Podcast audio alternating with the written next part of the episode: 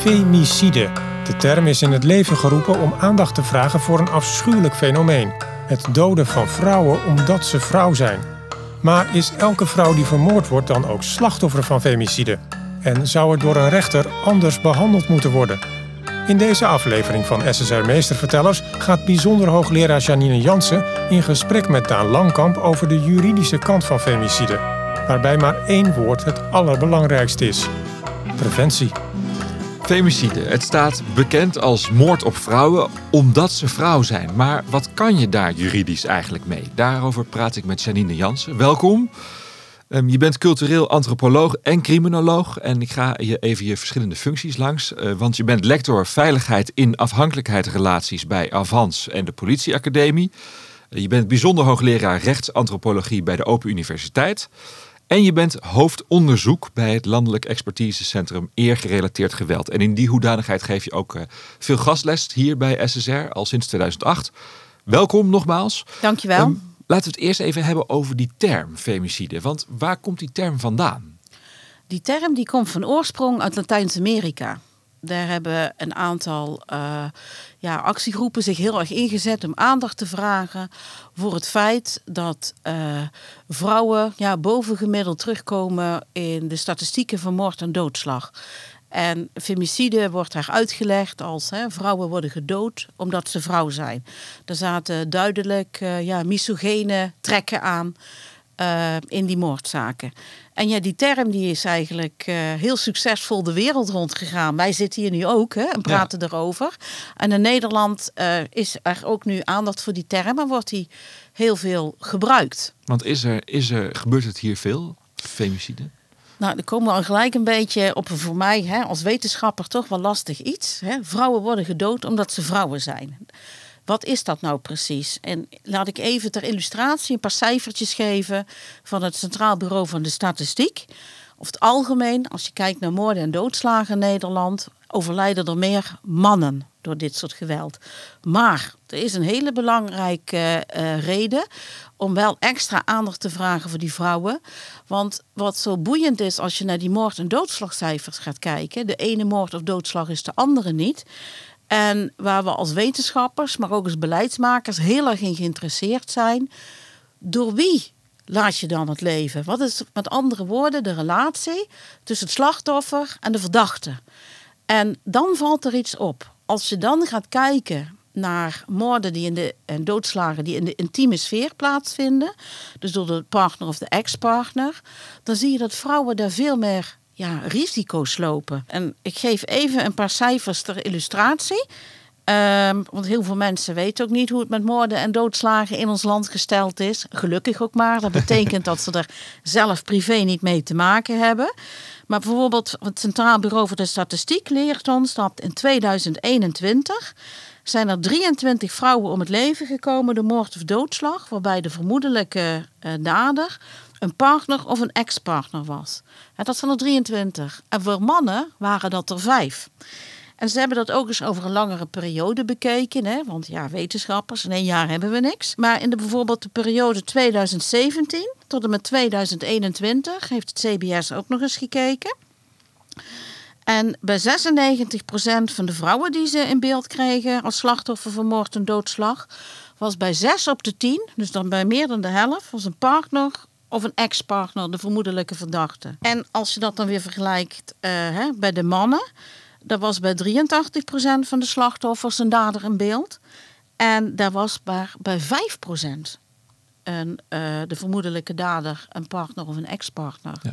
Dus dat is een enorm verschil. Ja, maar dekt dan het woord femicide, dekt dat wel de lading? Nou, daar heb ik inderdaad wat twijfels. Hè? Van, ik vind het een geweldige term om aandacht voor iets te vragen. Want met een tabel met 25 voetnoten eronder, ja, lukt dat niet. Dus het zet meteen een denken en het alerteert. Maar als je dan zegt, een vrouw werd gedood omdat ze vrouw was.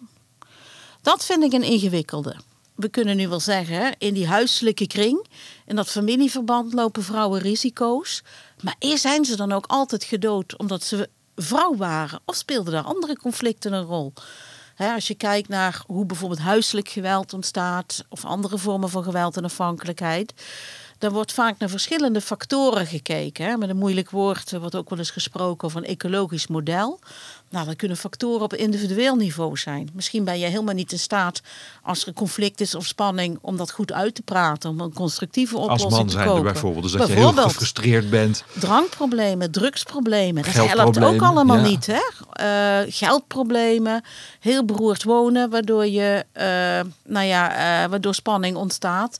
En je kunt niet zeggen, iemand die schulden heeft, die hè, gaat vervolgens ook dit soort zware geweldvormen plegen. Dat is niet, geen automatisme, maar het zijn factoren die optellen.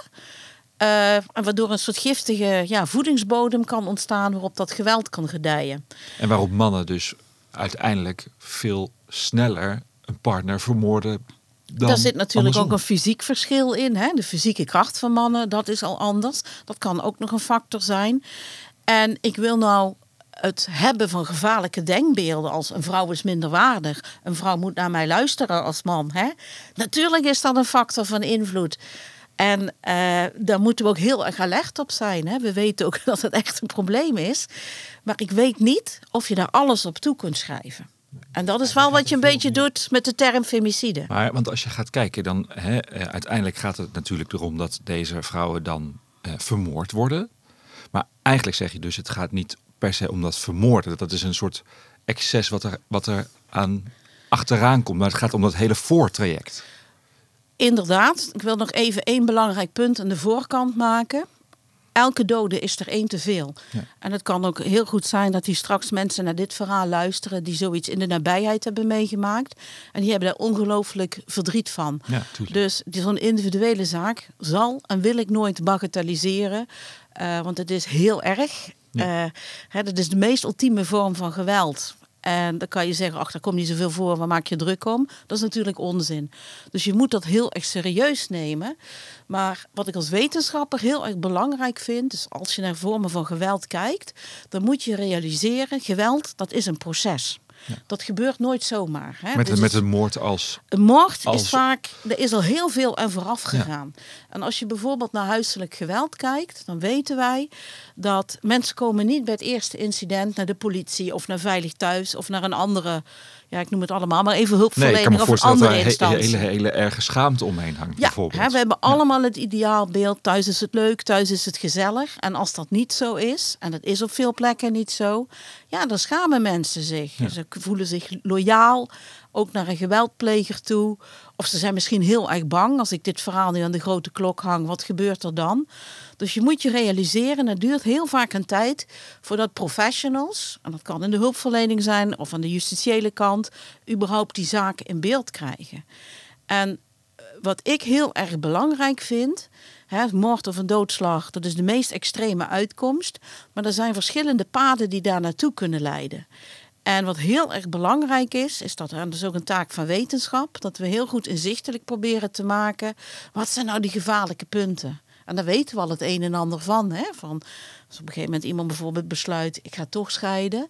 Hè? Dat zijn momenten waarop grote veranderingen intreden. Ja, dan kan een, een, een, een, eh, een, Kan een psychologisch potentiële dader kan ja. echt in paniek raken en Ja. hele drastische dingen doen. Dus we weten al iets, het een en ander van die omslagpunten. En ik denk dat dat heel erg goed is, dat we ons verdiepen in die routes naar dat dodelijke geweld. En dat we dat geweld, eh, dat dodelijke geweld, niet in isolement beschouwen. Ja. Want stel nou dat iemand eh, vermoord is of slachtoffer is van doodslag. Ja, ik werk ook bij de politie. Dan ook je gevoel ja, voor recht. Dan wil je gewoon dat de verdachten eh, worden opgespoord en dat het recht zijn, eh, zijn loop heeft. Heel belangrijk. Ja. Maar wat ik als mens, als politieambtenaar en als wetenschapper het liefst wil, is dat we die escalatie kunnen voorkomen. Ja, precies. Je wil en natuurlijk... daarom moet je in de voorkant zitten. Ja, En je nu- wil natuurlijk voorkomen dat het leidt tot een moord. Exact. Ja. En dat je terecht aandacht vraagt voor het feit dat vrouwen veel meer risico lopen in een bepaalde setting op dodelijk geweld. Prima. Maar je moet niet alleen naar dat dodelijke geweld kijken. Het is zaak dat we naar de voorkant gaan. En dus dan ook in beleid en aanpak er constant blijven investeren in de aanpak van huiselijk geweld, eergerelateerd geweld, stalking en al die verschillende vormen van geweld en afhankelijkheid die we onderkennen. Ja, waarbij dus eh, ja, potentiële verdachten zich in de intieme sfeer bevinden. Ja, dus eigenlijk zeg je, hè, op het moment dat politie en justitie bezig zijn met de moordzaak, dan zijn we eigenlijk al zoveel stappen te ver. Eh, dat, we, dat we allerlei dingen nou, misschien niet gemist hebben, maar wel waar we eerder hadden kunnen ingrijpen als samenleving. Dat is altijd als- heel erg moeilijk. Hè? Ja. Achteraf hadden we. En als er een moordzaak is of een andere zaak met dodelijke afloop, moet je serieus eh, opsporingswerk doen. Hè? Dan heb je ook een serieuze taak. Maar over de gehele linie, als we ook beleid gaan maken, of ik hoor mensen wel eens zeggen, we moeten apart dingen voor femicide gaan doen. Daar roep ik eigenlijk constant. Investeer nou aan de voorkant op de brede aanpak van allerhande vormen van geweld achter de voordeur. Ja, want is, is het dan zo? hè? Kan je daar juridisch iets mee? Want een, een moord is een moord, toch?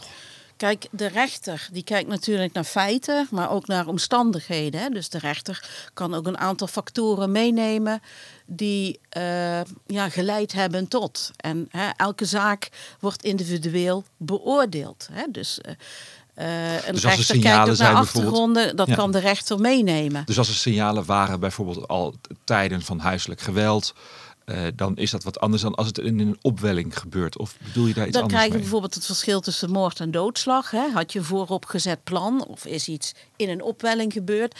Dat zijn allemaal zaken die de rechter mee kan wegen. Heel af en toe hoor je in Nederland wel eens eh, van... joh, zou je het doden van een vrouw niet zwaarder moeten bestraffen? En dat is iets, ja...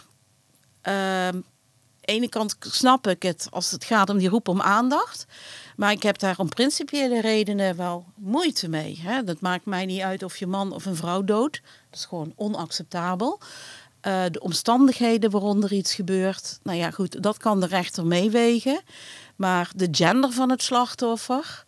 eh, dat zou voor mij niet een aspect zijn wat automatisch tot meer of minder straf zou moeten leiden. Dus eigenlijk femicide als eh, juridisch begrip heeft geen bestaansrecht eigenlijk.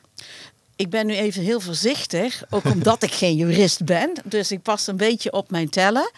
Eh, ik denk dat het eh, voor mij zit de waarde in de term in het agenderen. Van jongens, let nou eens op. Vrouwen lopen onder bepaalde omstandigheden in vergelijking met mannen hele grote risico's. En dat zit hem in die intieme sfeer. Uitstekend, fantastisch.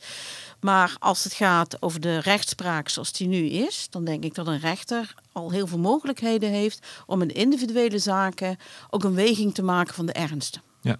Is, het, is het dan zo dat politie, justitie, eh, de rechtspraak ook meer aandacht moeten hebben eh, of meer bewustzijn moeten hebben van het hele proces vooraf? Ja, en dat, daar komen we wel op een moeilijk onderwerp. Ik denk eh, eh, vaak zoals mensen kijken naar de justitiële kant van dit soort aspecten, dan zijn we heel erg gefocust op incidenten. Bij een aantal delicten kan dat ook zo, hè? van een fietsendiefstal bij wijze van spreken. Je steelt dat ding, die is weg en dan is het klaar. En delicten ehm, die optellen, verstokking is daar een heel goed voorbeeld van. Daar zit Dat is een ernst- langdurig proces, Precies, daar zit de ernst ook. Hè. Het is meer dan een optelsom. Omdat juist iets lang duurt, eh, werkt het ook veel meer op de mensen in. En dat stelt eigenlijk ook meer eisen aan bijvoorbeeld hoe je verslag legt van wat er gebeurt. En je moet heel erg alert zijn, ook op het verbinden van allerhande signalen. En dat vraagt meer ja, van de mensen die ermee te maken hebben, dus hè, de betrokkenen bij die zaak, maar ook van de professionals. politie, justitie. ja. Ja. Dus, Dus, en- dus die moeten aan de voorkant eigenlijk, zeg je, van vaker opletten van hey, in dit ge- gezin zien we meerdere meldingen. dat zijn die wel rode vlaggen. uiteindelijk Ja. misschien kunnen leiden tot iets veel ergers. Dat moeten we voorkomen. Ik denk dat dat een hele belangrijke les is, ook van de afgelopen jaren. Hè. We hebben natuurlijk een aantal zaken gehad die heel veel aandacht gekregen hebben, eh, met name op het gebied van stalking. En ik denk dat dat iets is wat we ons ketenbreed heel erg goed in de oren moeten knopen. Van denk niet alleen aan incidenten, eh, maar denk eraan dat eh, ja, in de loop der tijd, in bepaalde intieme kringen, gewoon veel meer kan gebeuren. En dat is niet zomaar een optelsom. Dat kan exponentieel stijgen. Al, dat werkt allemaal op elkaar in. En dat kan ook bijdragen aan escalatie. En er kunnen dus ook dingen tussen zitten die misschien wat onschuldiger lijken, maar die wel in een bepaald patroon passen. Kan je eens een voorbeeld noemen? Ehm, dat, nou, we hebben de laatste tijd ook veel meer aandacht, wat een hele goede zaak is voor allerhande vormen van psychisch geweld. En hè, dan denk je misschien, ja, iemand is uitgescholden. Ja, woorden doen toch geen pijn. Maar in een groter geheel kan dat wel een hele zwaarwegende factor zijn. Als er al sprake was van stalking of een keer huiselijk geweld. Of je, je merkt als buren dat je vaak ruzies hoort. Dat je dan zegt, ik hoor alleen maar schelden. Er wordt nu niet geslagen. Maar dat als je daar een melding van krijgt als politie slash justitie Neem dat zijnde- als je, alsjeblieft serieus. Ja. En denk niet, ah, dat is niet zo erg. Hè? Want in dat grotere geheel weegt dat wel zwaar. Wat kan, daar, wat kan daar gebeuren om dat te verbeteren? Nou ja, dat is een reden waarom ik ook aan dit soort eh, dingen meewerk, zoals een podcast. Aandacht Eh, Ik dus. wil ook heel graag tegen medewerkers bij de politie, maar in de hele justitiële keten zeggen. Soms wordt wel eens gedacht, we moeten al zoveel. Hè? Er komt weer wat nieuws bij. En ik denk niet dat we hier iets nieuws te pakken hebben, maar dit is eigenlijk een verdieping op basis van wat we al weten. En ik weet ook hè, dat het, het is druk en eh, de collega's moeten ook heel veel. En bij rechtbanken is het ook druk.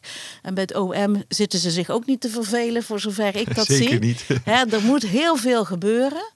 Maar we moeten ons wel realiseren hoe complex deze zaken zijn. En dat we zelf bijdragen als justitiële partijen en de ellende. Als we dan maar doen alsof die zaken simpel zijn. Het is heel erg belangrijk dat we de complexiteit van die casussen onder ogen blijven zien. En, en het zi- zien dus als een proces. Als een proces en niet als een verzameling losse incidenten. Ja. Denk, daar is al heel veel mee gewonnen als dat diep indaalt. Is er, is er ook een rol weggelegd voor de politiek? Jazeker. Eh blijf voortdurend de aanpak van allerhande vormen van geweld en afhankelijkheid ondersteunen. Dat is denk ik essentieel om ook eh, nou ja, eh, bij te kunnen dragen aan het voorkomen van die escalatie. Kijk, uiteindelijk wil ik dat niemand hier last van heeft. Hè? Maar ik weet ook niet hoe reëel dat is. Of ik dat nog voor mijn pensioen voor elkaar krijg, dat weet ik niet. Maar ik denk wel dat het zaak is dat we voortdurend aandacht blijven vragen voor de aanpak van geweld en afhankelijkheid.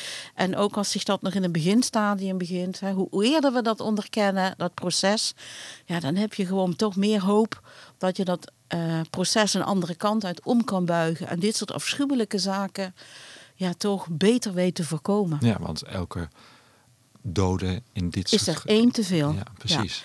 En hè, die doden, eh, dat is ook, daar zitten ook nabestaanden omheen. Daar zitten kinderen bij, ouders van, familieleden. Dat heeft impact op heel veel mensenlevens. En dat moet je ook niet onderschatten. Dat nemen die mensen ook weer hun hele leven mee. Dankjewel, Janine Jans. Graag gedaan. Dit was SSR Meestervertellers. Blijf op de hoogte en abonneer je op deze podcast. Graag tot de volgende keer.